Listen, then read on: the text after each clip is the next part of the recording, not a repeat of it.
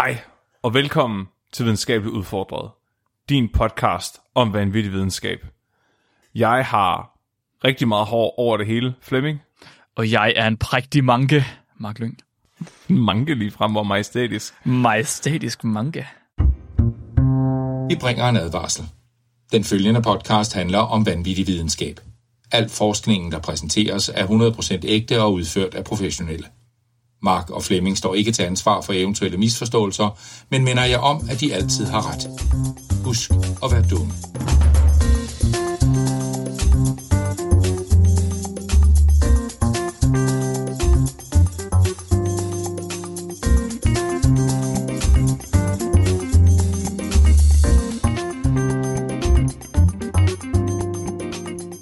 Ma- øh, det er en af de ting, jeg har fundet ud af. Altså folk siger, når man kommer på puberteten, får man hår mærkelige steder, det passer ikke. Efter, når man, har, når man er over 27, så får man hår mærkelige steder. Ja, vidste du godt, at øh, mænds skæg er ikke færdig med at vokse, før man er 35?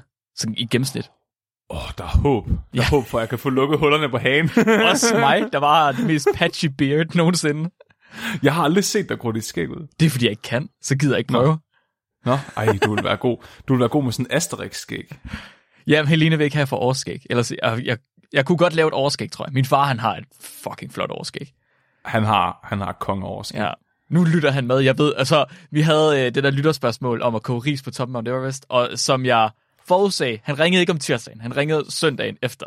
Men han ringede lige for at fortælle mig, hvor meget energi det var, at man skulle stoppe i sådan øh, en gryde med ris for at koge det på Mount Everest. For det havde han lige regnet ud.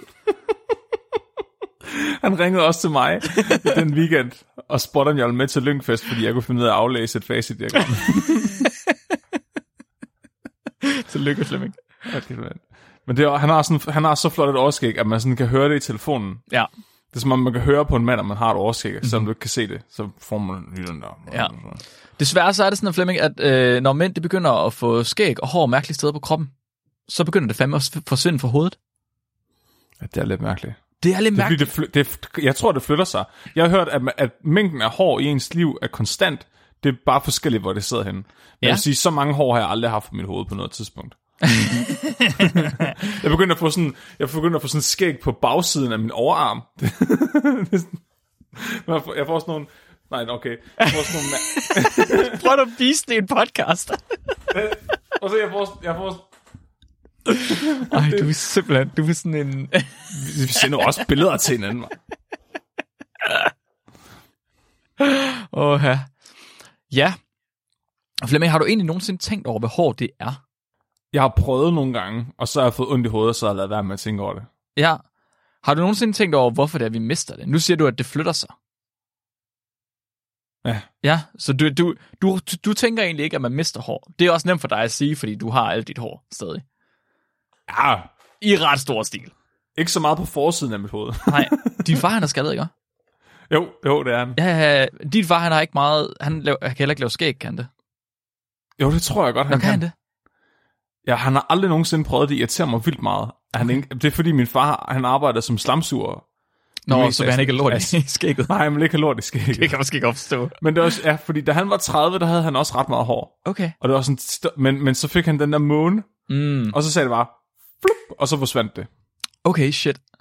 Det sker for ret mange, og øh, åbenbart, vores lyttere, de er åbenbart også ret interesserede i hår. Fordi i tidens løb, der har vi fået indsendt både artikler, lytterspørgsmål, og så er der endda en lytter, der har skrevet ind til os og givet os sin egen selvpublicerede bog om hår og mænds hårtab. Det er jo bare noget, som folk de går ret meget op i og er rigtig interesseret i.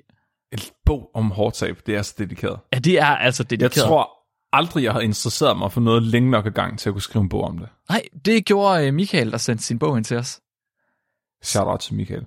Så i dag, Flemming, der tager vi et afsnit, ligesom øh, vores svedafsnit, hvis du kan huske det, nummer 32, og lærer alt, hvad vi kan om hår og skæg og hårtab. Og det er, det er ligesom svedafsnittet, det er rigtigt. Og så har vi faktisk fået en mulig løsning på at undgå hårtab.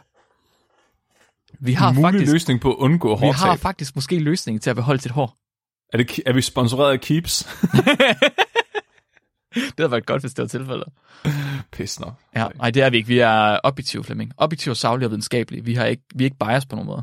Nej, for der er ikke nogen, der har tilbudt at bestikke os endnu. Nej, for satan. Kom og bestik os for helvede. Giv os nogle ja. penge. Er du klar, Flemming, til at høre, hvordan du beholder din prægtige manke? Mest, altså den på hovedet.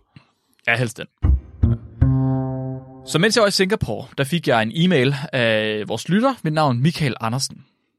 Og Michael, han har skrevet en kort 30-siders bog om sin erfaring med mandligt hårtab, og hvordan han mener at, kunne, at have kunne beholde sin hårpragt helt indtil han var 56. Mens at hans bror faktisk har tabt alt sit hår, ligesom at deres far også har tabt håret. Åh, oh, den, okay, nu, den, den, det er allerede, den ligger godt ud, den her historie. Ja, så øh, Michaels bog her, det er et fint skriv. Øh, han har ikke nogen kildehenvisning i, fordi det fik han, jeg har skrevet det med Michael på øh, mail, og han blev anbefalet af en, øh, en anden forfatter og en øh, publisher, at øh, smide de der kildehenvisninger ud, fordi det var, det var ikke en videnskabelig bog. Øh, så er der ikke nogen kildehenvisninger til de videnskabelige forsøg, han nævner. Men der er videnskabelige forsøg i bogen. Og jeg har faktisk ventet at finde nogle af de videnskabelige forsøg, som han nævner. Jeg har prøvet at se, om jeg kunne google mig frem til dem og finde dem. Og han snakker en del om mandlige hormoner. Han snakker om, hvordan de mandlige hormoner de har en effekt på skaldighed. Men han kommer faktisk aldrig ind på, hvordan vi ved, at det er tilfældet. Hvordan har man fundet ud af, at der er en sammenhæng mellem mandlige hormoner og skaldighed? Mm, okay, er Michael, hvad hedder Michaels bog? Den hedder Stop hårtabet, giv dig et hårløft. Oh, Og og han kan- var den i familien med hår. Ja, han var nemlig den i familie med hår. Han mener, det er på grund af hans, han har sådan en firetrins løsning til at beholde sit hår. Ja, som Michael han har skrevet en bog her, han har udgivet den på Saxo. Man kan google, giv dig selv et hårløft, og så øh, kommer den op. Den koster 50. Men, øh, så Michael han har faktisk ikke skrevet, hvordan det er, at man har fundet ud af, at der er en sammenhæng mellem det mandlige hormon og øh, hårtab. Heldigvis, så fik jeg tilfældigvis også indsendt to artikler af vores gode kammerat, Frederik Bartoldi. Bartoldi øh, var også med i vores mikrobiom-afsnit. Og, Han har øh, faktisk været med flere gange. Han var vores første gæst. han var også vores første gæst, ja. Og øh, han sendte et par artikler ind om en gammel, hvid mand fra 50'erne. En skole for mentalt handicappet, og en læge, der var lidt for glad for sin skalpel. Åh, oh, ja, yes, den bedste slags artikler. Og, og lige pludselig så falder alting på plads for mig. Lige pludselig så, så begynder tingene bare at hænge sammen. Åh, oh, nej. Men Flemming, inden vi kommer dertil, så er vi lige nødt til at finde ud af, hvad er hår overhovedet? Hvad er hår? Okay, ja, det, det forvirrer mig sygt meget. Ikke? Så vi fik faktisk også indsendt rigtig, rigtig mange lytterspørgsmål om, hvad fuck er hår?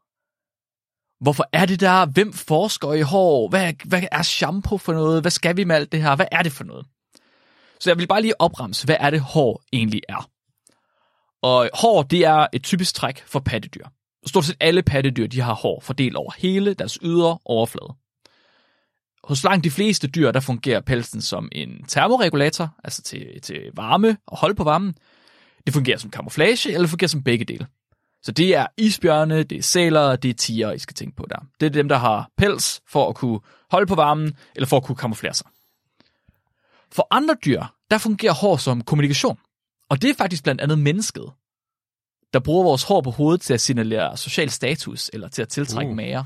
Uh, Ja. Og så er der nogle dyr, der har taget hvordan gør jeg det med mit hår, Mark? Hvad skal jeg gøre? Du skal, du skal soignere dig selv, Flemming. Fuck. Men du kan være ligeglad, for du har en mage. Det er det eneste tidspunkt, du nogensinde kommenterer på mit udseende. Det er, når jeg ikke har, når jeg, når jeg ikke har klippet mit skæg i lang tid, Men det er også fordi, dit skæg, det ligner bare hulemandsskæg ret hurtigt. Jeg har sådan noget pubeshårskæg. Ja, det har du bare. Nogle dyr, de har taget udviklingen af hår til det helt ekstreme, og de bruger det som offensiv beskyttelse. Så her skal du for eksempel tænke på pindsvinets pigge. Pindsvinets pigge, det er også hår. Den har bare udviklet strukturen af sit hår på en måde, så at det blev til offensiv beskyttelse. Det er jo psykopathår. Det er psykopathår, 100%. Hår, det kan også have mere end én funktion. Så vores øjenvipper, de bliver både brugt til at tiltrække mage. Kvinder bruger lange øjenvipper til at tiltrække mænd. Men det er også øh, en meget vigtig funktion til at holde støv og skidt ud af øjnene. Mm. Sådan at vi ikke bliver blindet af støv og skidt. Mm. Og man kan faktisk endda argumentere for, at den evne, den måske endda bliver større af at bruge mascara. Uh.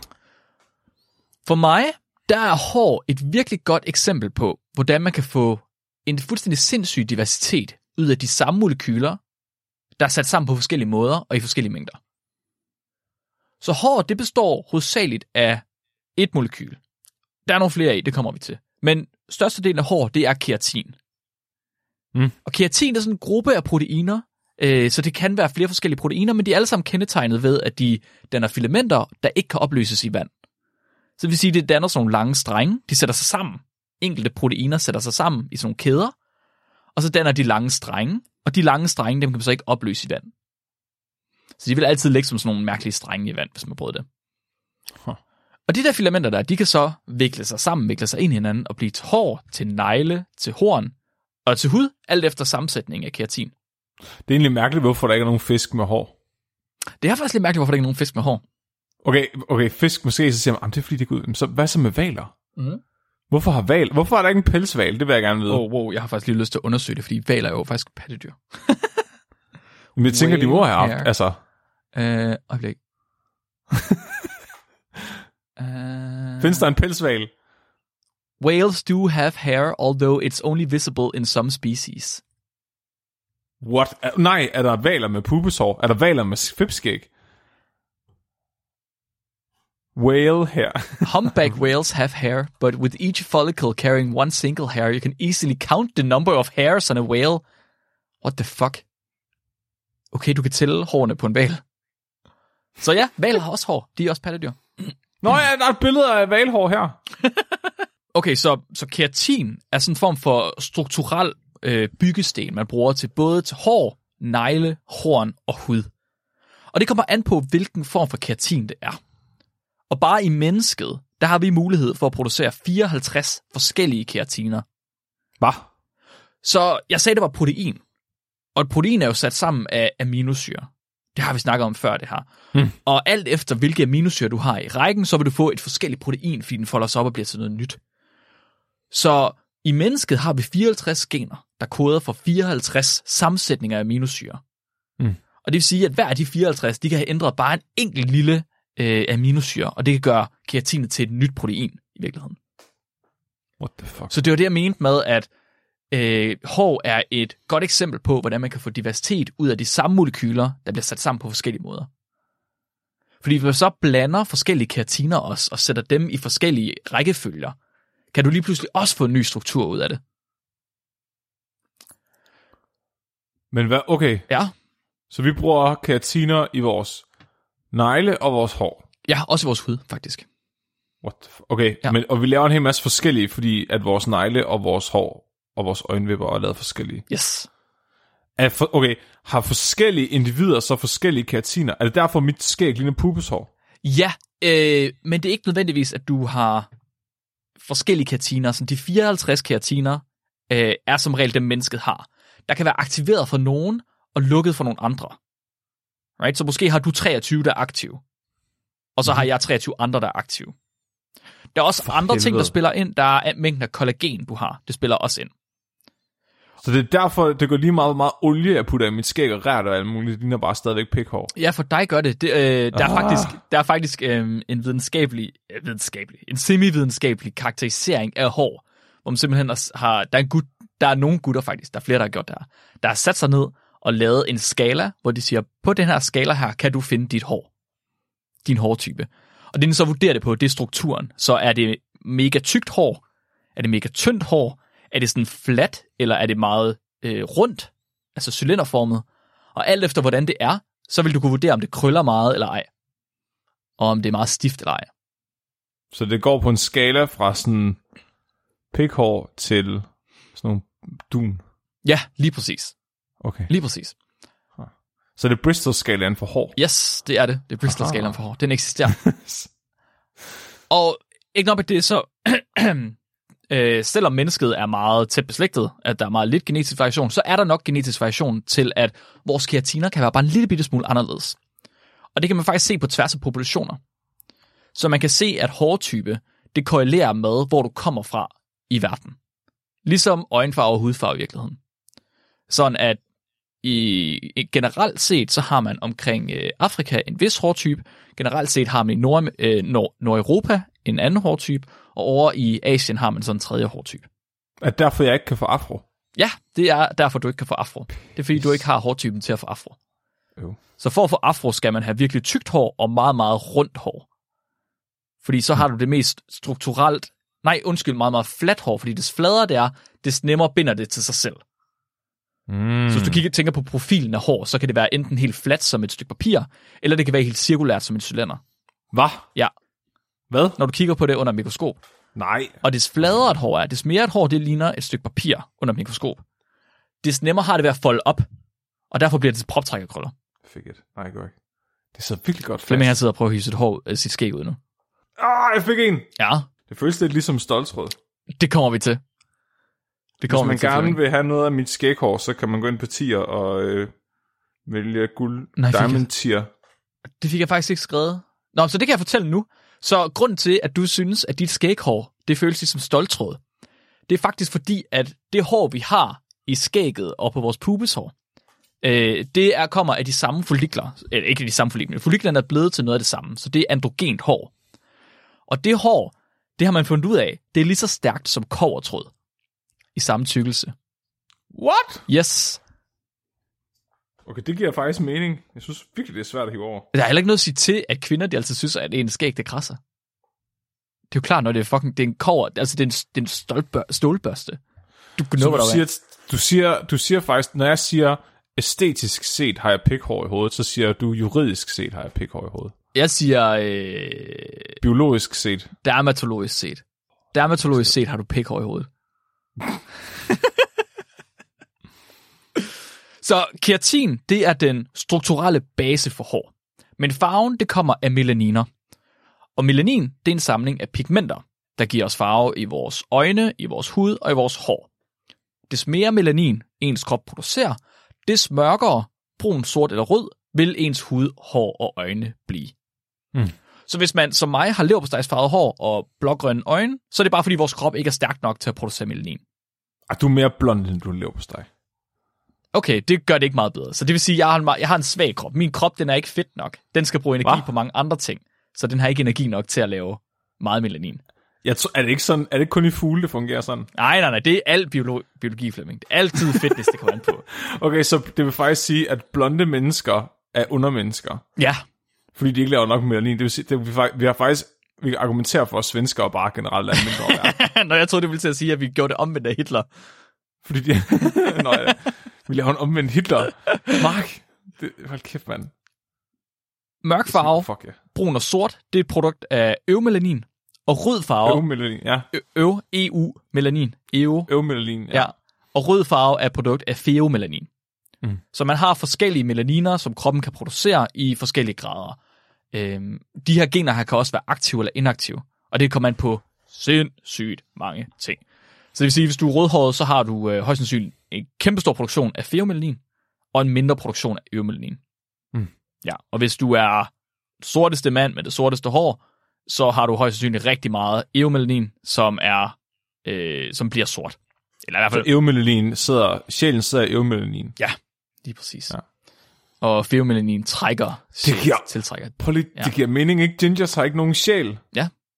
Men, men om sorte, der siger man tit, de har soul. Åh, oh, Ja, oh, kæft, shit, mand. Det, det bliver mere med. Det er virkelig, er det med i bogen? Ej, det er noget, jeg har tilføjet. Nej, okay. Men Michael, du må gerne tilføje det her til bogen. Vi kan ja. lave en, øh, et andet oplæg, Ja. hvor der skriver videnskabeligt udfordret på. ja, vi vil gerne uh, skrive forordet. Så det, du ser som hår, Flemming, det du pillede ud af dig selv, det yderste af det, det kalder man for skaftet. Skaftet, det er ikke aktivt på nogen måde. Det er dødt. Det yderste. Ja, det yderste, den yderste del. Det vi ser som hår på os selv. Okay, jeg finder lige håret frem igen. Ja. Jeg, sidder, jeg kigger nu.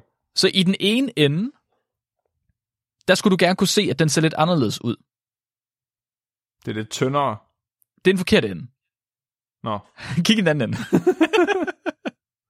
der sidder den hårsæk lige allerede. Ja, så øh, det er faktisk ikke hårsækken. Fordi hårsækken eller folliklen, den bliver siddende i huden. Det er i virkeligheden hullet, som er i huden. Mm. Så det der, det er hårroden. Og den er en lille smule hvid, kan jeg næsten forestille mig. Ja. ja. Og det er fordi, at dit hår, dit skæghår lige nu er i gang med fase nummer to ud af de tre faser, som det går igennem. Og i fase nummer to, der vokser håret. I fase nummer... Skal jeg lige, jeg skal lige have den her, fordi nu går jeg ud af min øh, rækkefølge her. Øhm, så først så sidder det fast til blodtilførselen. Og så bliver det produceret til en lang, sammenhængende streng. Det er den første fase. Det kalder man den anagene fase. På et tidspunkt så bliver blodtilførselen skåret fra, og håret det begynder at dø. Det er ikke levende på noget tidspunkt, men det begynder ligesom at, at øh, størkne sådan helt, og ikke have nogen blodtilførsel overhovedet. Og til sidst så går foliklen i dvale i et par måneder, og så efter det, så begynder den at gå i den første fase igen, og producere et nyt hårstrå, der så kan skubbe det gamle ud. Så når vores hår de falder ud, så er det fordi, der kommer et, hår, et andet hår indunder og skubber det ud, faktisk. Så det er ligesom en, en printer. okay, vent hvad? Det er ligesom en 3D-printer. okay, ja, yeah, I guess. I guess, så der bliver... Men, nej, okay, så det er jo ligesom, hvis du var på toilet, og din lort hang fast mellem ballerne. Ja, det kan man godt sige. Men Mark, Ja. stopper den så med at hår i en måned? Ja, det gør den faktisk. Så de gør det bare ikke synkront. Det gør det nemlig ikke synkront, nej. Det havde fandme ellers været smart, hvis de gjorde. Ja, Så skulle man ikke hele tiden til frisøren, altså. Så problemet er, at for nogen, der er den her proces, den er gået i stykker. Og det fører til, at man mister håret. Så det kan være, at den sidste fase, den hvor håret det bliver skubbet ud, og hvor, øhm, eller hvor håret det sidder og er dødt, og du ved, folliklen er gået i dvale, det kan være, at den er for lang. Den er så lang, at hår, hårproduktionen ikke når at gå i gang igen, før at der er faldet flere hår ud, end der kan nå at blive produceret. Så lad os sige, at du måske øh, sætter gang i at producere 50 nye hår om dagen. Men til gengæld så mister du 100 nye hår, eller 100 hår om dagen. Mm. Over tid vil det jo føre til, at du lige pludselig ikke har flere hår. Så skaldede mennesker har hår. Yes. Det er bare ikke særlig mange. Det er ligesom valer. det er Skaldede mennesker har bare lige så meget hår som valer. så skaldede mennesker faktisk. De har, øhm, de har hår på hovedet oftest, hvis det er mænd i hvert fald. De har bare ikke hovedhår. Fordi der findes også flere forskellige typer af hår. Så det hår, du har på hovedet, bliver lavet mm. af en helt bestemt follikel. Mm. Så den follikel har fået nogle, nogle, øh, nogle signaler, der gør, at den laver rigtig langt hår. Og dens øh, anagene fase, den første fase, hvor den producerer, den er virkelig lang. Den kan være overvis lang. Okay. Så den kan bruge overvis på at producere hår. Den kan også bruge månedsvis. Det kommer an på, hvem du er. Men det, du har som skæg, og det, du har som brysthår, det, du har som kønshår, det er alt sammen styret af mængden af mandligt kønsorgan, du, øh, ikke kønsorgan, mængden af mandligt kønshormon, du har.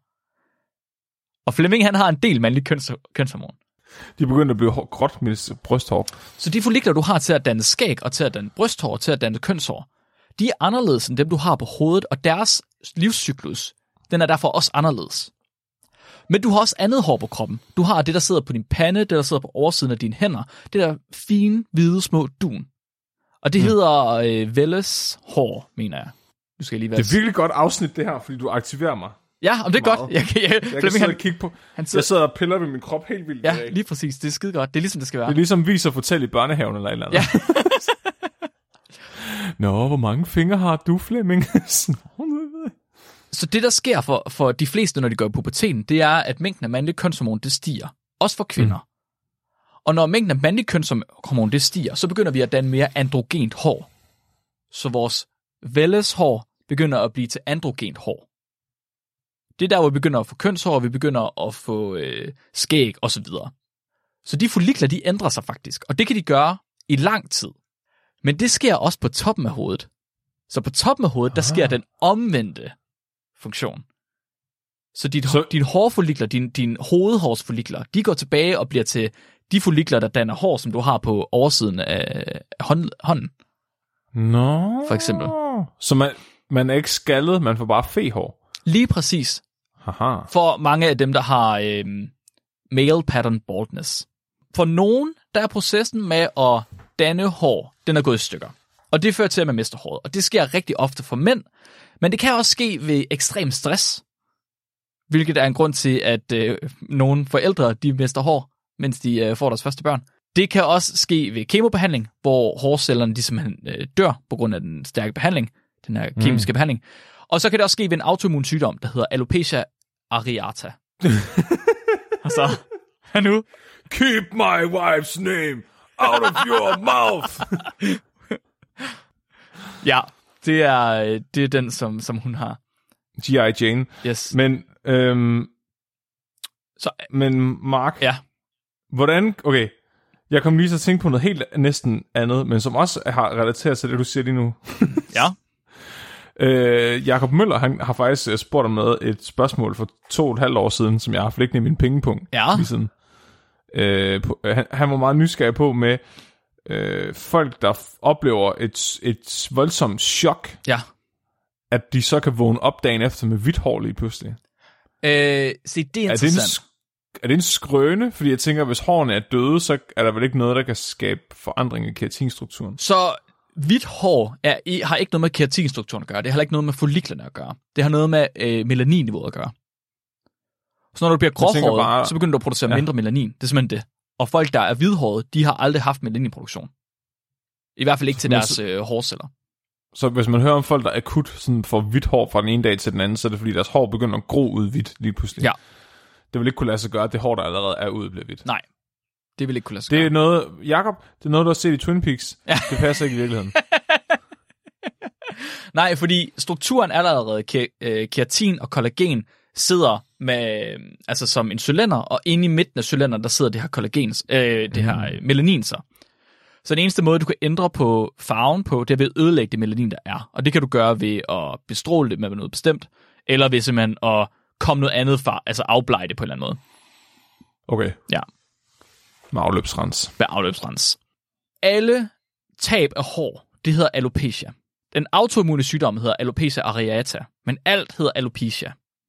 Det mest grusomme alopecia, Flemming, det er jo selvfølgelig male pattern baldness. Den mest, ja. den mest forfærdelige skæbne, noget menneske kan gå igennem, det er, når en mand han taber håret på hovedet. Og det sker for rigtig, rigtig, rigtig mange mænd. Jeg er selv ret overbevist om, at jeg kommer til at tabe håret i løbet af mine 30'ere. Jeg er allerede begyndt at blive tynd på toppen. Der er lige sådan en, en begyndende måne på vej, som bliver rigtig slem, når jeg så har langt hår. Så kan man virkelig, virkelig lægge mærke til det. Og min... Så Øh, det har sådan en perfekt længde, hvor, det, hvor man ikke sådan kan se det. er lige nu? Lige nu kan man rigtig se det. Det er bare fordi, jeg sidder på webcam. Okay. Det er sådan virkelig... For, altså, jeg, jeg skal virkelig klippes. min bror, han begyndte at klippe sig skaldet, da han var 25, fordi at, øh, han gad ikke mere. Men det, og det er lidt det, der er problemet for dig, Mark, ikke? Fordi. Ja. hvis du klipper dig skaldet, så kan man kun se forskel på dig og Dan, fordi Dan går med briller. Ja, det er rigtigt, men så må det jo blive ved med at være sådan. Altså, jeg, jeg, de gange, jeg har været sammen med jer begge to på samme tid, der er jeg virkelig, virkelig blevet forvirret. Vi er heldigvis ikke, Det- været, vi har ikke været på det punkt, hvor hans børn har kaldt mig for far endnu. heldigvis. Men Flemming, Ja. det er en skændsel, at mænd de bliver skaldet, og vi skal straks have fundet en løsning på den her skaldighed, så mænd de kan få deres hår tilbage. Men hvad vil du egentlig gøre, når du, altså, vil du så bare acceptere, at du ligner din storebror så meget, ved at få samme frisyr som ham? Ja, 100%. Eller, eller, eller kommer der et twist?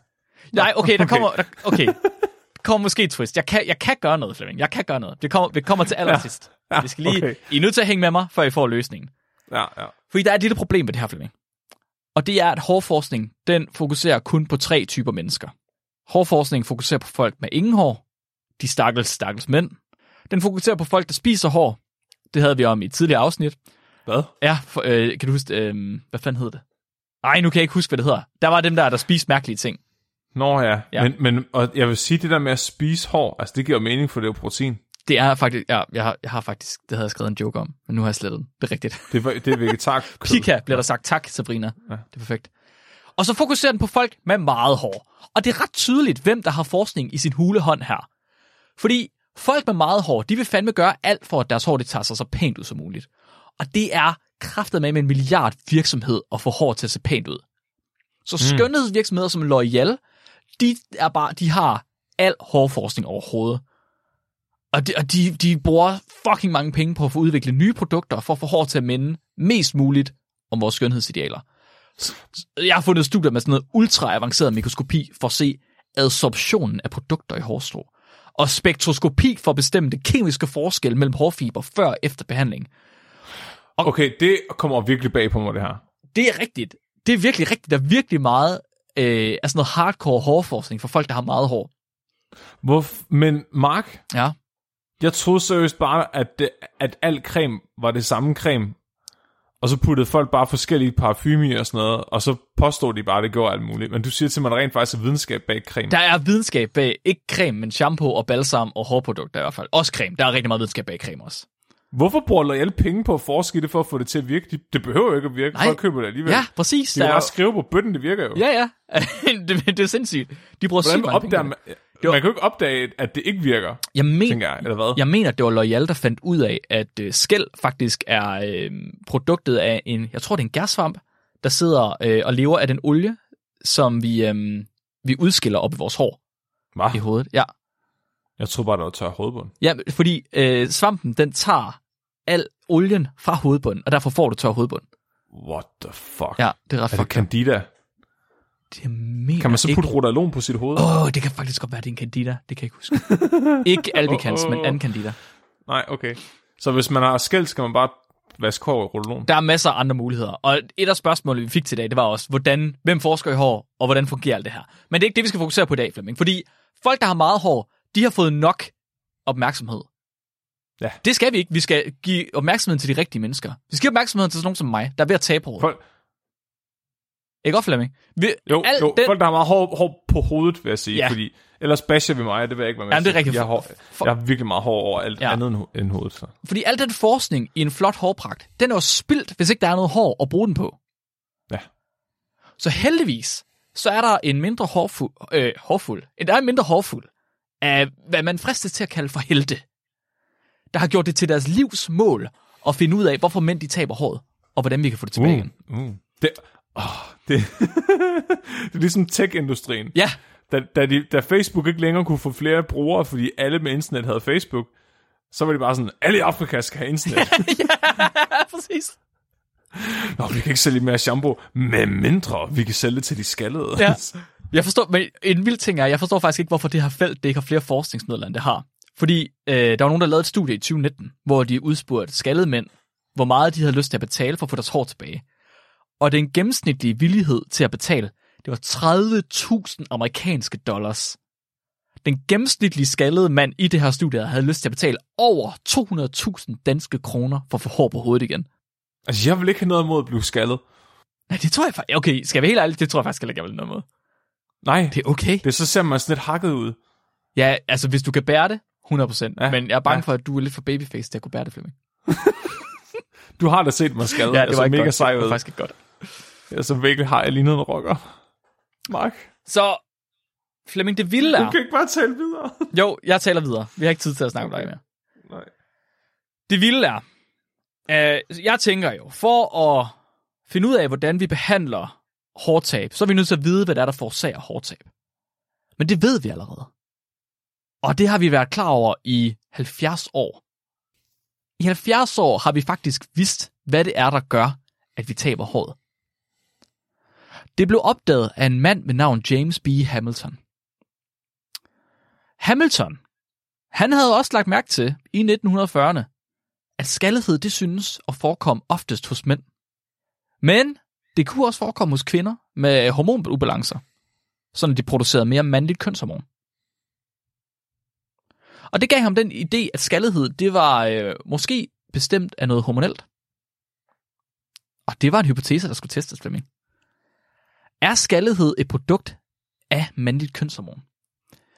Men hvordan undersøger man, om hormoner har en effekt på skaldighed, Flemming? Hvordan gør man det? Øh, på lovlig vis, Ej, 1940-vis. så tænker jeg, at man giver folk hormoner. og så kigger man på deres øh, hår over en lang periode. Men det kunne man allerede gøre nu. Og hvad nu, hvis de her mænd, de bare lavede mere hormon? Det er faktisk, det er lidt, jeg synes, det er lidt skuffende, Flemming, fordi det er ikke særlig molekylær biolog, biologisk er der det der. Hvis nu du skulle tænke som en, en bedre måde? hvis nu du skulle tænke som en molekylær biolog, hvad gør vi? Ej, det er alt for kedeligt bare til hårsækkene i og have dem i en pastryskål. Nej, nej, nej, nej, nej, nej, nej, nej, det er ikke det, jeg siger. Når vi, når vi skal finde ud af noget som molekylærbiolog, så fjerner vi jo ting. Right? Åh oh, nej, fjerner du, fjerner du hormonerne? Oha. Så Hamilton, Nej, det er så uetisk det her, det har han ikke gjort. i Hamiltons Det må første man ikke. publikation Mark. på området, Nej, stop. der giver han lige en anerkendelse til Charles. Hormoner gør også andre ting end hår. Charles Hawke, han var leder på Winfield State Training School i Kansas. Winfield, det var en institution for mentalt handicappede. Og på Winfield, der blev det i 1913 gjort lovligt at kastrere sine beboere for at undgå, at de onanerede. Okay, nu har jeg... Faktisk så havde man allerede gjort det 20 år før. Så 20 år før det blev lovligt, der havde man kastreret sine beboere. Ej, hvor er det forfærdeligt. Men det blev så altså lovligt i Men jeg vil 1913. også sige, at nu har jeg arbejdet sådan, altså, der foregår meget under ni. Det gør der godt. Men altså, Så man brugte det ikke kun til at sørge for, at de ikke onanerede. Man brugte det også lige som et supplement til det hvide snit, så man kunne styre adfærden hos mænd. åh, Gud. Det er smart. Fordi du, øh, du ved, hvad der sker, hvis man kapper klunkerne af, så er der sgu ikke meget mandlig kønshormon længere. Hamilton han publicerede i 1969 et, en tabel, der øh, summerede kastreringen af drenge på Winfield mellem 1895 og 1950. Og i den her tabel her, der var der 322 mænd, der var blevet kastreret. Helt op til 1950, men det, var- der kastrerede dem ikke stadigvæk. Jo. Jesus fuck, det er kun 11 år før min far blev født. Hvad sker der? Jeps.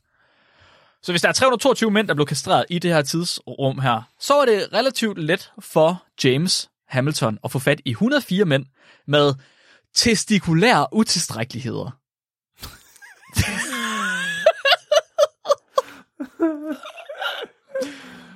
Ved du, hvad der er rigtig fedt her, Flemming?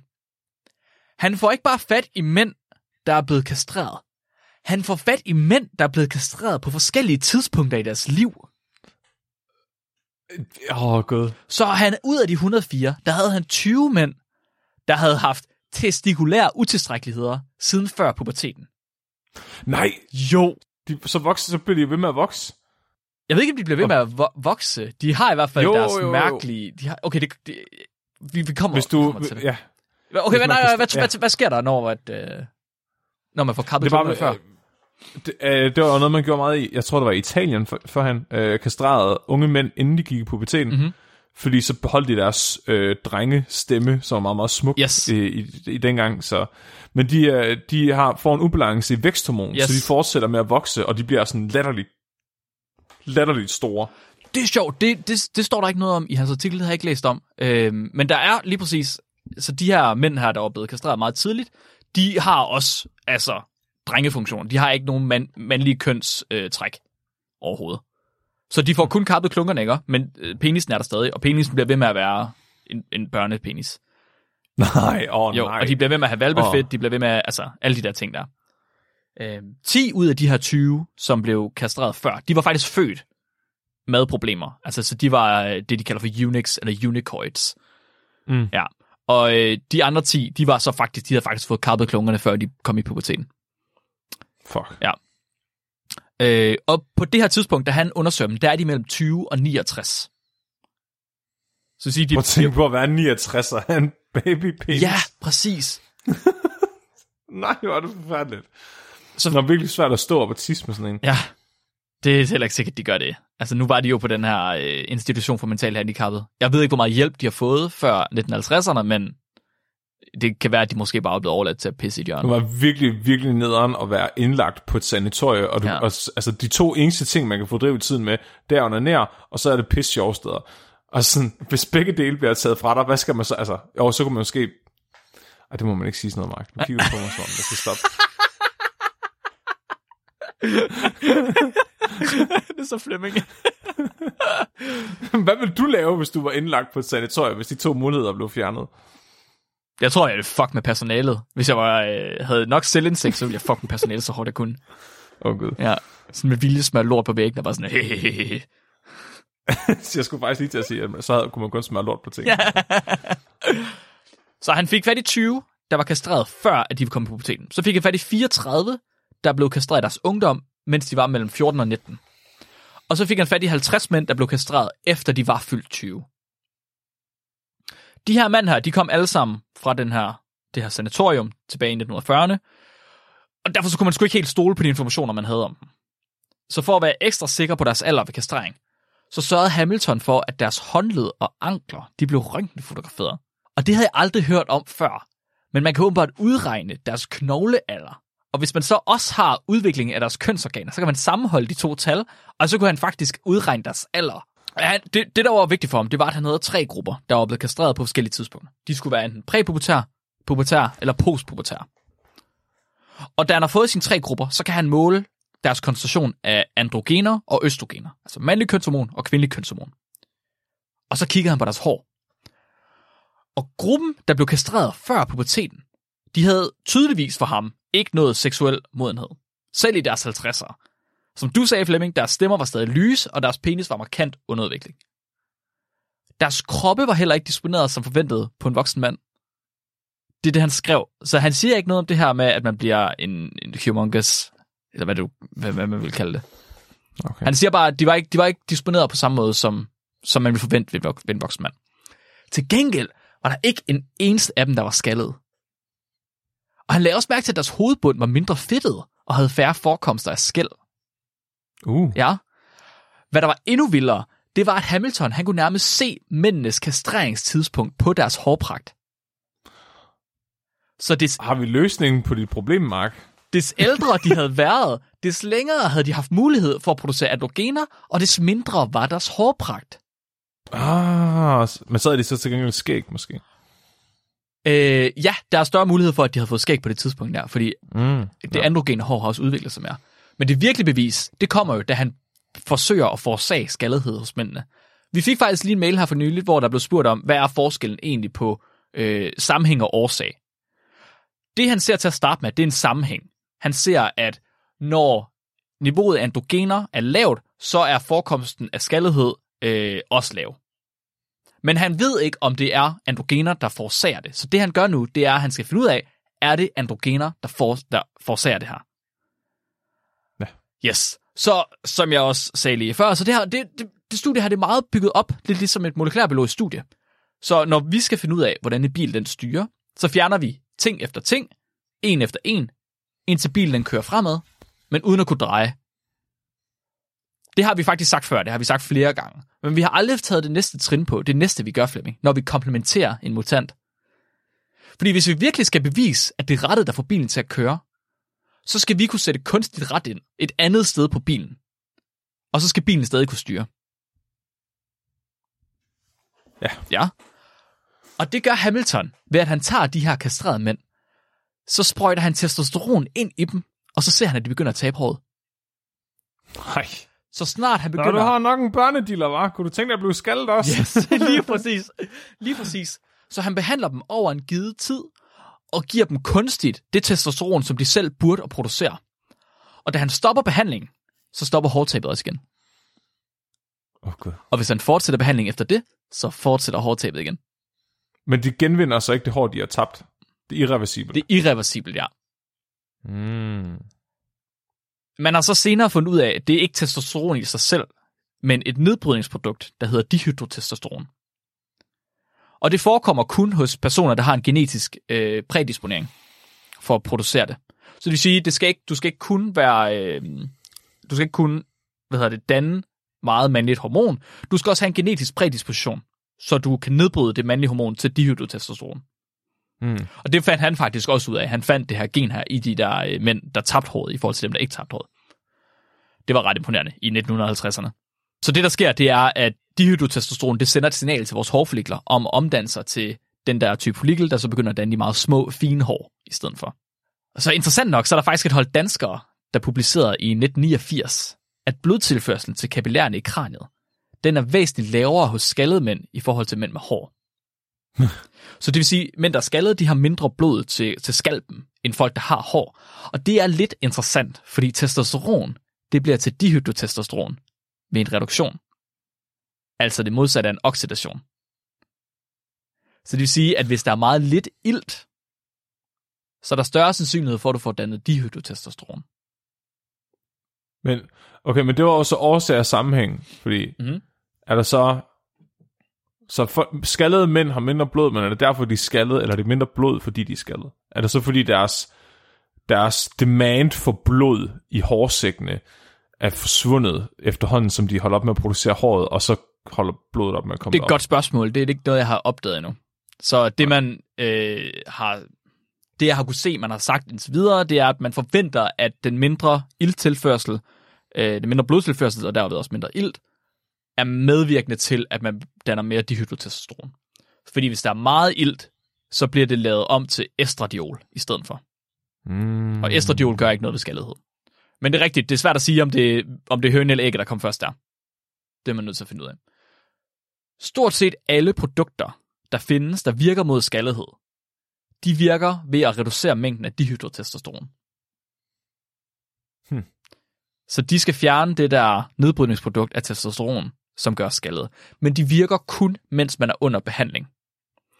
Så hårsækkene kan godt komme tilbage igen og blive til almindeligt hår, hvis du fjerner dihydrotestosteron. For nogen. Det virker desværre ikke for alle. Men stopper du med at tage dem, så danner du dihydrotestosteron igen, og så bliver du skaldet igen. Så det er her, at Michaels bog, den kommer ind. Fordi Michael, han har skrevet alt det her, men han har, gjort det meget, han har komprimeret det ret meget. Øhm, så jeg tillod mig lige at udvide det en lille smule for lytterne og give noget kontekst. Til gengæld, så har han en noget større sektion om, hvordan man så beholder håret. Hvordan, hvad han gjorde for at beholde håret. Så Michael, han baserer sin hypotese på et studie, han har fundet af nogle taiwanesiske forskere. Og de her taiwanesiske forskere, de påviste, at, og nu siger jeg noget meget videnskabeligt, eller noget meget øh, klogesnak, mekanisk stimulation af celler øger deres evne til at regenerere. Han masserede sit hoved. Kraftet er jo tæt på. Så de her forskere her, de strak i huden på mus med sådan en speciallavet tang. Og på den måde, der fandt de ud af, at de kunne stimulere overgangen fra folliklens dvale til produktion af nye hår. Så den tredje fase, som vores hårvækst er i, hvor at folliklen er i dvale, den har en vis længde, før den går i gang med at producere hår igen. Mm-hmm. Og problemet med nogle mænd, det er, at den er for lang. Kan det være. Ja. Så det, de fandt ud af, det var, at de kunne korte den tid. Mm, så man kunne ligesom sparke dem i gang. Man kunne simpelthen sparke dem i gang med at hive i dem. så ifølge Michael, så er det eneste, du skal gøre for at beholde dit hår, det er at trække dig selv i håret. Så længe du kan, og så ofte du kan, og så meget du kan. så han siger, hvis du strækker dig selv i håret, hvis du hiver dig selv i håret, han gør det øh, så vidt muligt, hver gang han har været i bad, så trækker han i håret. Op og ned, og han trækker det frem og tilbage, han trækker det ud til siden, og alt muligt. Han rusker simpelthen i det, for at stimulere øh, folliklerne igen. Det er fandme smart, hvis det virker. Så han har kunne beholde sit hår i 56 år. Han er jo desværre et, et anekdotisk tilfælde. Hans bror har ikke kunne beholde sit hår. Og han har ikke gjort noget. Nej, det er lidt det, fordi så, altså, så skulle man jo hive brorens hår for at se, om det så kommer ud igen, men der er ikke noget hive Nej, i. det er jo problemet. Man Så kan ikke hive i det længere. Så skulle man have en klaviant til at hive hans astralhår. Ja, Spøgelset fra hans hår. det kunne, det kunne måske være bedre. Øh, Michael han snakker også lidt om, om en anden hypotese, han har, som jeg ikke helt, den, den er ikke helt enig i. Men han siger, at hvis han hiver op i håret, op i skalpen, så laver han mere plads mellem kraniet og skalpen. Og på den mm. måde, så bliver der mere plads til, at blodåren de kan øh, trække næring derop. Så han udvider kapillærerne. Ja, den, den, den, der, det bliver ikke, der bliver ikke mere plads til kapillærerne, men jeg har forhørt mig lige på Facebook med, med nogen, der ved noget om øh, blodtilførsel, og så læste jeg lige så lidt op på min egen øh, fysiologiundervisning. Øh, og det at, at skabe friktion og skabe temperatur, det skaber vasodilatation. Altså det får simpelthen blodkarrene til at udvide sig. Det vil sige, hvis du trækker dig selv i håret, og du kan mærke, at du bliver varmere på hovedet, og du får rødme, så må det betyde, at der kommer mere blod til. Hvis der kommer mere blod til, kommer der også mere ild til. Og det kan faktisk være medvirkende til, at du danner mindre dihydrotestosteron. Så det kan være en, to, en to-faktor øh, egenskab, han har gang i her, en to-faktor løsning, han har gang i her. Hvor at han både sørger for, at der kommer mere væksthormon og mere regeneration til cellerne, og han også sørger for, at du danner mindre dihydrotestosteron ved at få mere ilt op til hovedet. Mm. Så han har faktisk en række andre øvelser også i bogen. Blandt andet en, hvor han øh, stiller sig på hovedet, og bare lader blodet løbe ned til hovedet. Og et eller andet sted, Han er meget dedikeret til ikke at blive skadet. han er meget dedikeret til ikke at blive skadet. Han går meget op han har, det. haft et eller andet, han har haft et eller andet traume i sin barndom. Det skriver han, Han har op, ja, det, oplevet et eller andet. det skriver han faktisk også om i bogen. Det var noget med, at da han gik i 8. klasse, der lærte de om øh, skaldighed, og om at mænd generelt blev skaldet, og så så, så han de der skaldede billeder, og så var sådan, fuck, fuck, min far er skaldet, fuck, fuck, det sker ikke, fuck nej, fuck nej. og så har han brugt, Man er sikkert han har brugt en, endnu tid. han har brugt en måned på at gå på biblioteket og læse om hårs anatomi og fysiologi, og hvordan det fungerer. Det er fandme dedikeret. Mm-hmm. Skaldighed hos mænd blev opdaget af kastrerede drengebørn, eller takket være kastrerede drengebørn. og, løsning, 69 år med børnediller. og løsningen er, at du skal strække dig selv i håret. Jeg har faktisk jeg har klippet, øh, jeg har, jeg har klippet to siders noter ud, fordi først så var det her afsnit bare om hår. Altså, du ved, totalt ligesom svedafsnittet. Der var ingen vild historie i det. Men en ting, jeg, jeg synes var lidt sjov, også fordi vi havde evolutionspsykologi afsnittet sidste uge, som jeg har som noter hernede stadig, det er, øh, hvad er det? Hvor, hvorfor tror folk overhovedet, at mennesket kun har hår på hovedet nu, og ikke på resten af kroppen? For det er jo ikke noget, vi ved. Det er sådan noget, man tænker, okay, hvordan er vi udviklet til at blive til det, Flemming? Og hvad, hvad, Ja. hvad vil du tro, årsagen er? Jeg har hørt, at, eller jeg har, læ- jeg har læst, evolutionspsykologisk set, mm-hmm. er det fordi, at vi har udviklet os til at være persistent hunters, uh, persistence hunters. Ja. I, så i andre primater, de har, altså de jager jo ikke på samme måde, som vi har gjort. Nej. Og vi, en, den måde, vi har jagtet byttedyr på i Afrika, det er, at vi simpelthen har løbet efter det i så lang tid, at det er faldet om med udmeldelse. Der er næsten ikke nogen andre dyr overhovedet, der kan løbe på samme måde som mennesket, mm-hmm. hvor vi kan blive ved og ved og ved med at løbe. De kan kun løbe sådan nogle burst, korte øh, strækninger. Mm-hmm.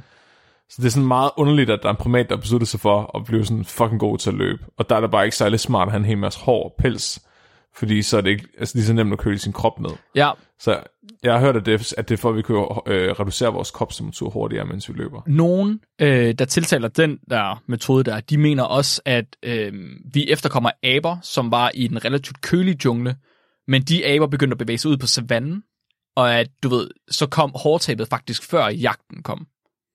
Mm. Så at hårtabet kom før, fordi det er svært at termoregulere med pels, når du er på savannen. Åbenbart, men det forklarer jo ikke løver, kan man Nej. sige. Nej. Så, så Men de, løb, de løber også kun i altså, korte strækninger, og så ligger de jo bare ned Ja. det meste af tiden. Jamen, det er rigtigt. Men så de her aber her, de kunne jo virkelig gøre det samme. Altså, hvorfor har de ikke gjort det? Hvorfor har de så beholdt håret på hovedet? Ja, det er lidt besværligt. Det er lidt besværligt. Og der mener, øh, så nogle forskere mener at faktisk, at de her aber, de er kommet med deres, øh, deres, deres pels, som faktisk har været flade hår.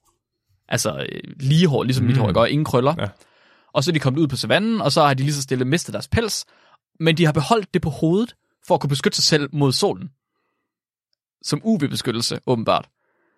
Det er sjovt, altså jeg kan vide, hvorfor det så er, det, at det bliver så langt, det vi har på hovedet. Ja, det er et godt spørgsmål. Men de siger så, at øh, det du har, det, de, det man begyndte at lave, da man så var på savannen i Afrika, det var faktisk meget tykt og kruset hår, der også krøllede rigtig meget, fordi så er der mere overflade til at tage imod sollys, og mere melanin Afro. til at tage imod UV, afro. Mm. Men efterhånden som mennesket så bevægede sig op igennem verden, at så er vores hår begyndt at blive fladere igen, fordi det var ikke nødvendigt at beskytte os mod sollys længere. Mm. Så det, var for at have, det var for at have en, simpelthen for at have en afro. Jeg forstår bare ikke helt, hvorfor vi så ikke har hår på skuldrene. Det har jeg. Ja, du har, men du har ikke meget af det. Ja, det ved jeg ikke. Nå, jeg tror, jeg er rimelig godt solbeskyttet efterhånden. Ja, det er jeg ikke helt sikker på. Det, nå, okay. Det, Der findes også der findes en anden teori også. Den hedder øh, den akvatiske abeteori. Har du hørt om den? Nej. Den mener, at vi er efterkommere af aber, der er begyndt at vade i lavt vand. Og i Så det er kun hovedet, der er stikket op, eller hvad? Præcis! Fordi åbenbart, så er hår ikke særlig isolerende øh, i lavt vand. Så kan man spørge sig selv, hvorfor der er så mange andre dyr, der er i vand, der har pels. Jeg tror lige, jeg sender nogle nøgenbilleder af min krop til folk, der tror på det Ja. her. Bare for at debunk deres teori. Den er vist heller ikke specielt populær. Men så fordi at hovedet lige præcis er stukket over, så har vi beholdt håret på hovedet. Mm. Ja. Det forklarer heller ikke kønshår, kan man sige. Det er seksuel selektion, Mark. Det er seksuel selektion. Vi putter det bare i kassen, hvor vi forklarer det med et eller andet. Ja. Nej, det er, er der ikke en med pubesår? Er det ikke for... Øh... Det er jo folk, de siger, det er sex, øh, hormoner, eller feromoner. Så er det. Ja, og det er heller ikke blevet bevist, at de findes Nej, men det, i mennesker. det er det, som folk de mener, det er lige nu. At pubeshår og øh, hårene og armene og sådan noget, kønshår generelt, det er på grund af feromoner. Okay, Det er derfor, vi har det. Man ved det ikke. Det er derfor, jeg er så udmodståelig. Men hvis vi lige skal, du ved, sætte to streger under vores konklusion fra sidste gang, så alt det, vi lige har sagt om evolutionspsykologi og teori, det, det, det er rent grebet i luften. Helene, hun sagde det så flot, da hun havde hørt afsnittet i går. Hun sådan lidt, det, er jo, det er jo fuldstændig ligesom at prøve at påvise, at Gud han findes. Det er jo bare religion, altså. Eller ikke... Ja, Eller ikke findes, ja. ja. Men, men, ja. Men jeg kan godt lide det, Mark, fordi man kan bruge det til at argumentere for ting. Jamen, det kan man. Og, og så lyder det klogt. Ja. Så er det som om, altså, så i stedet for at sige, jeg tror, så, siger man, så kan man sige, det er nok fordi... Ja, ja, ja. Evolutionen siger... ja. Det vil give mening, hvis... Det er indlysende, at... Ja. Så Flemming, det var simpelthen øh, afsnittet om hår og løsning til at beholde håret på dit hoved. Tak. Velbekomme. Så, så Øh, jeg hugger lige op med min søster. Ja. Hun har kastreret virkelig mange grise. Og hun, er, hun, har, hun bruger ikke bedøvelse, men det går så hurtigt, at du ikke har brug for Og det er jeg glad for. Jeg håber, kniven er skarp. Har du tænkt dig at begynde at trække det håret nu? Ja, yeah, jeg har faktisk overvejet det, fordi jeg har stadig hår nok til, at jeg kan trække mig. Ja. Så jeg kunne godt, jeg kunne godt finde på det, men, men altså... Altså i virkeligheden, ikke? Så burde du jo nu prøve kun at trække dig i den ene side. Ja. Problemet, For så at se, ja, om du bliver skaldet i den anden. problemet er, at du skal, du skal kunne afkorte, altså kunne hugge blodtilførslen fra, ikke? Og hvis du trækker i den ene side af hovedet, så kommer der nok også blod til den anden side af hovedet. Men jeg tror alligevel, at der vil være bias i forhold til den ene retning. Det var ret sjovt bare for at se, være. om du kunne beholde håret længere tid på den ene side. Det kunne faktisk være sjovt, fordi jeg fandt et review, der snakkede om Hamiltons studie. Og det review, det øh, snakkede om, at det var et tvillingestudie. Og det er det ikke, desværre. Men i det review, der sagde det, at han havde på meget fin vis fundet ud af, at en tvilling, der ikke fik øh, øh, steroider, den øh, hvad hedder det, tabte ikke håret, en anden tvilling, der fik steroider, den gjorde, osv. osv. Mm. Alt det her. Men i virkeligheden, så ville det perfekte studie, det ville være at tage to tvillinger, som er genetisk prædisponeret til at tabe håret. Og så trække den ene i hovedet. Ja, håret. ja, eller kastrere den. Men helt ærligt, altså jeg tror, hvis du gjorde det der, Mark, Ja. Det kunne du godt udgive som et case study, hvis det viser sig at være rigtigt. Det er ligesom ham der lægen, der havde knækket øh, negle, Ja. eller knækket øh, fingre knæk- Ja, ja, ja, ja, det er en god idé. på den ene hånd, og ikke på den anden. Ja. Vi kan godt prøve. Vi kan godt prøve. Vi kan godt prøve. Du bliver sådan, du bliver ligesom Two-Face for Batman. Ja. Folk tror, du er sådan en Skrillex øh, haircut, du har. ja, bare sidecut. Tak for det. Det er jo meget, meget lærerige, altså meget videnskabelige og meget lærerige afsnit, vi har haft her på det, Det sidste. det, jeg, jeg, ved ikke, Det er det, jeg kan. Den 19. marts, der tager vi til København på Hotel Cecil. Der er stadig billetter tilbage. Jeg synes virkelig, at I skulle tage og købe nogle billetter, så I kan se, hvor meget hår jeg har på min krop. Vi kan ikke love, hvor længe der bliver ved med at være billetter. Lige pludselig, så forsvandt det i Odense. Det er noget, vi ikke engang har opdaget. Der var de bare væk. Nej. Øh, og sidst vi fik noget at vide, der havde vi solgt, øh, hvad var det, 100 ud af 190 billetter. Over halvdelen. Ja, og det er øh, nogle uger siden efterhånden. Men altså, det er, I må gerne, hvis I har lyst, så må I gerne komme op og af mit skæg bagefter, for eksempel. Øh, Fuck, Flemming. eller se, hvor mange hår jeg har på, min, på bagsiden Det er så, det er så sindssygt. Man kan ryggen. virkelig godt høre, at du aldrig har været ude i offentligheden som en offentlig personlighed. Det er virkelig sindssygt. Lige pludselig en eller anden dag, så bliver du til en person, så det, det er du i virkeligheden allerede. Folk de kommer op til dig og begynder at røre ved dig. Sådan, Det må man gerne, fordi det har Flemming sagt. Kommer alle bare og gør det sådan i, i hjem og fix. Det håber jeg da. Du er fandme, du er fandme mærkelig. Okay, fra nu af, efter hvert live show, så har vi en bod, hvor der er en væg imellem os. Jeg skal ikke stå i nærheden af Flemming, når det er, at de kommer og rører hans skæg. Jeg skal fandme ikke have, hvis de rører ved mig, så jeg, jeg, jeg, jeg, nej, jeg vil ikke have det, jeg går. Det er da mega sjovt at stå 10 voksne mænd, der aldrig har mødt hinanden, bare hive hinanden i Det er skægget. ikke sjovt. Ingen, ikke noget hej, ikke noget, bare, bare den interaktion. Vi er personlige modsætninger, Flemming. Skal vi tage et lytterspørgsmål? Lad os gøre det. Bum, Ruben har skrevet ind. I forhold til, når noget er logik for burhøns. Ja. Så hvor stor er grænseværdierne for logik for burhøns versus logik for fritgående høns? det, altså, det, jeg, nu har jeg ikke meget erfaring med burhøns, men jeg vil sige, fritgående høns, de er generelt rimelig intelligente i forhold til... Jeg skulle lige til at sige, det er det, som ordsproget siger? Burhøns er dumme, mm. så derfor er logik for burhøns, det er noget, som alle kan forstå. Right? Jo, Okay. jo. Så spørgsmålet er, Ja. hvor dumme er burhøns i forhold til fritgående høns? De er ret dumme. Er de det? Men de lærer også, men de har også virkelig meget instinkt. Jeg vil sige, når du måler på sådan nogle skalaer der, så er du så langt nede på intelligensskalaen. Du skal virkelig have noget fint måleudstyr for at kunne se forskellen. Fordi det kan godt være, at fritgående høns, de er klogere. Men hvis forskellen, for dem kan godt forskellen godt være 10 gange så høj.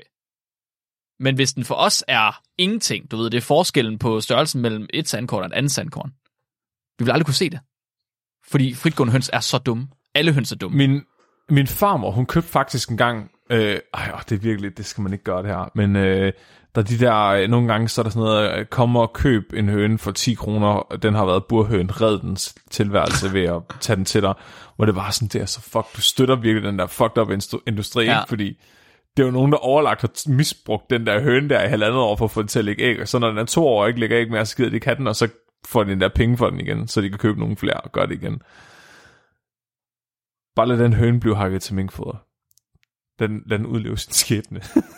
Men min farmor, hun købte nogle burhøns, dengang burhøns de måtte findes, øh, er pensioneret burhøns, og så ligesom puttet dem ud i sin hønsegård, og de blev aldrig normale. Som om de fattede bare ikke, hvor de gik ud på, det der med at være høne. Det er ligesom nogle... Fordi hø- høns, høns forstår ikke særlig meget, Mark, Nej. men høns forstår, hvad det vil sige at være høne. Okay, de forstår, hvad du siger, hvad høn. Hvad vil det sige, Ja, hvad høn? og det er som om- Du forstår, hvad det siger, hvad høn. Det er det der instinkt i sådan at blive tiltrukket af sin egen afføring, for eksempel. Så øh, hvis du får et tilbud om frihed, og du kan gå rundt i en hel skov, så, så stiller du dig op i din egen, egen fucking møding af lort, og, og piller den hele dagen, i stedet for at gå ud i skoven. Det, det er... Øh, Er det ikke et spørgsmål, om de er blevet præget til det, fordi de har været i et bur, hvor de ikke kunne komme væk fra deres egen afføring? Så nu føler de øh, tryghed. nej, det er, jo de, det er jo de frie vilde høns, jeg har, der gør sådan noget. Når din, din vilde høns, de stiller sig ved hvis, jeg, hvis, jeg, hvis jeg sådan... Prøv at se, det er det, jeg siger. Det var det, jeg sagde. Sk- forskellen mellem burhøns og vilde høns i forhold til intelligens er så lille, at vi kan ikke se den forskel. Du ved, det er, det er en halv millimeter i dit, øh, dit søjlediagram. Vi kan ikke se den forskel, Flemming. Du skal virkelig zoome ind for at se forskel. Det er sådan en skala, hvor Okay, det er, okay. de, nej, de bliver det er væk støjen. ja. Jamen, der er nogle ting, der er logik for høns, det tror jeg. Men det er meget sådan, Mark, det er fordi min, min tilgang til høns, den er meget holistisk. Jamen, det kan jeg godt forstå. Jeg fik at vide lige før vi startede, at du i virkeligheden er syv høns i en trenchcoat. Det, Og hvis, hvis man er syv høns, så er man jo nødt til at være holistisk, fordi I skal alle sammen være enige om, hvad det er, I gør. nej, men der er bare en anden, de har en anden sådan nogle burhøns. Hvilken farve er den? den er sådan, du ved, hvis du nogensinde har mødt en person, der har arbejdet på, på, det, på det samme kontor hele sit liv, energi, det er en burhøn. Okay, okay, okay. Hvor, hvor en, øh, en almindelig høne, det er mere sådan en... Øh, jeg, åh, jeg har været wildlife-fotograf i, i 40 år for National Geographic Energi. Jeg tror, du, jeg tror, du har nemmere ved at se forskellen på intelligens mellem burhøns og, og vilde høns. Jeg tror ikke, jeg vil, jeg vil ikke kunne se forskellen. Jeg tror, hvis jeg, hvis jeg fik fat i en burhøn, og fik fat i en almindelig høne, og så satte dem foran dig, så ville du godt kunne mærke forskel på deres aura. Det er jeg fandme ikke sikker på, Flemming. Du kan smage det på æggene. Kan man det? det er fuldstændig... Det, er det ene æg har sjæl, det andet æg har gips. Nå, der kan man bare se. Og alle ved, det smager bedst, når man kan spise en sjæl. Præcis. Det er derfor, kannibaler aldrig spiser rødhåret. nej, nej. Ej, hvor er det for meget. Undskyld. Undskyld. Hvad? Du må, ikke, du må du ikke uh, offende kannibaler her. Nej. Undskyld. Så der, der er ikke nogen... Man må, altså, jeg vil jo sige, at det, altså, i virkeligheden handler det om, om man har siddet i et bur hele sit liv, eller man har været fritgående, og så hønedelen er bare sådan tilføjet. Så logik for burhøns handler mere om, at sådan, det er logik for en person, der ikke engang nogensinde har været ude i verden. Men, men, men der er høns på, og det gør det bedre. Vi burde faktisk bare putte høns på alle årsprog. Der har vi ikke høns på alle vores sprog. Hvorfor gik hønen over vejen? En høne om dagen holder doktoren ja, præcis. over høne og sten. Øh, Robert har faktisk skrevet noget mere. Han er meget engageret i det her. Øh, han skriver, grænsen for logik for burhøns er lavere, eller har burhøns været udsat for social stigmatisering, hvor vi alle tror, de er mindre logiske, mens faktum er, at andre høns har rødt sig sammen og fået os til at tro det. Åh, oh, som en konspiration. Nej, men det handler selvfølgelig om logik, og logik er vel... Ej, jeg tror stadig bare, at burhøns de er underliggende. Ja. Ved du hvad, Flemming? Jeg tror forskellen på logik mellem burhøns og fritgående høns, det er den samme som ja. forskellen i logik mellem os to. Et Ja, IQ-point. burhønen. Et IQ-point. Du, du er burhønen. Et point, Flemming. Et point højere. Et point højere, Flemming. Hold det er det, jeg siger. Mark. Det er Jeg tager den test igen. Jeg tager den fucking test igen. Åh, oh, man skal være, man skal være kernespektret, lytter for at forstå den. Jeg forstår den ikke. Ja. Vi behøver ikke forklare Nej, den. det er jo Det, I behøver, bare, kære lyttere, I skal ikke høre på, hvad Marken siger. Det er ligegyldigt. Okay, men så næste uges afsnit bliver et krydsafsnit. Den kommer. Den er her endelig. Jeg ved ikke, om vi har faktisk har reklameret for, at det sker før. Har vi det, Flemming? Har vi sagt tidligere? Har vi sagt ja, tidligere, at det sker? Ja, det ved jeg faktisk ikke, om vi har. Nej, det ved jeg ikke. Der kommer øh, et par gæster ind i podcasten. Nogen, som I måske kender. Jeg ved ikke, de hedder... Åh, hvad de hedder, Flemming? Mørke, det er Mørkeland. Det er Mørkeland. Mørkeland kommer ind i podcasten. Ja. Og Peter Alexander fra Mørkeland, de skal... ja. Flem, faren til Flemmings børn skal øh, være med til at øh, fortælle os, hvordan man bedst formidler videnskab. De skal simpelthen komme... De, Alexander, han plejer altid, når vi snakker med ham, plejer altid at sige sådan, ah, men I, er også, I, I er jo for fanden eksperter og har lange uddannelser og sådan noget. Så sådan, okay, ja. Men den her gang, der skal det fandme være dem, der skal være eksperter, og dem, der skal have lange uddannelser. Så vi skal simpelthen tale om noget journalistik og noget videnskabsformidling. Og det glæder mig faktisk rigtig, rigtig meget til at få deres take på. Det er Mark, der får lov til at bestemme det. Det er mig, der får lov til at bestemme det. Det, det er mig, der har gjort det voksen, fordi det kunne Flemming aldrig finde på. Hvis jeg havde fået lov til at vælge det afsnit, så er det bare pick og patter med sauce. Fuldstændig. Og det skal det nok blive alligevel, det er jeg slet ikke i tvivl om. Du kan ikke holde til andet, Flemming. Nej, det tror jeg heller ikke Peter Alexander. Nej, det tror jeg sgu heller ikke. Er du klar til dyrfakt? Jeg er fucking klar til dyrfakt. Pandaer skider 48 til 62 pund lort om dagen. Pund? Fra frøken Raw. på Discord. Det, Ej, nu kan jeg ikke Camilla. huske, hvad du hedder i virkeligheden. Camilla. Camilla. Det er 60 pakker smør, Flemming. Er Nej, det, det er er, et det et sted mellem, det er mellem 20 og 30 kilo lort? Det er pænt meget lort. Om dagen? Det er næsten, det er næsten lige så meget som mig. Jeg holdt op. Er du en panda, Flemming? Det tror jeg Du måske. er en meget stor panda. Jeg kan virkelig godt lide bambus. Du er det næste evolutionære trin på pandaskalaen. Jeg bliver sygt bange, når mine børn de nyser. Nå, kæft mand. Jamen, øh, tusind tak, fordi I lyttede med alle sammen. Jeg, øh, jeg er Flemming. Og mit navn det er Mark. Du er blevet videnskabeligt udfordret. Husk at være dum.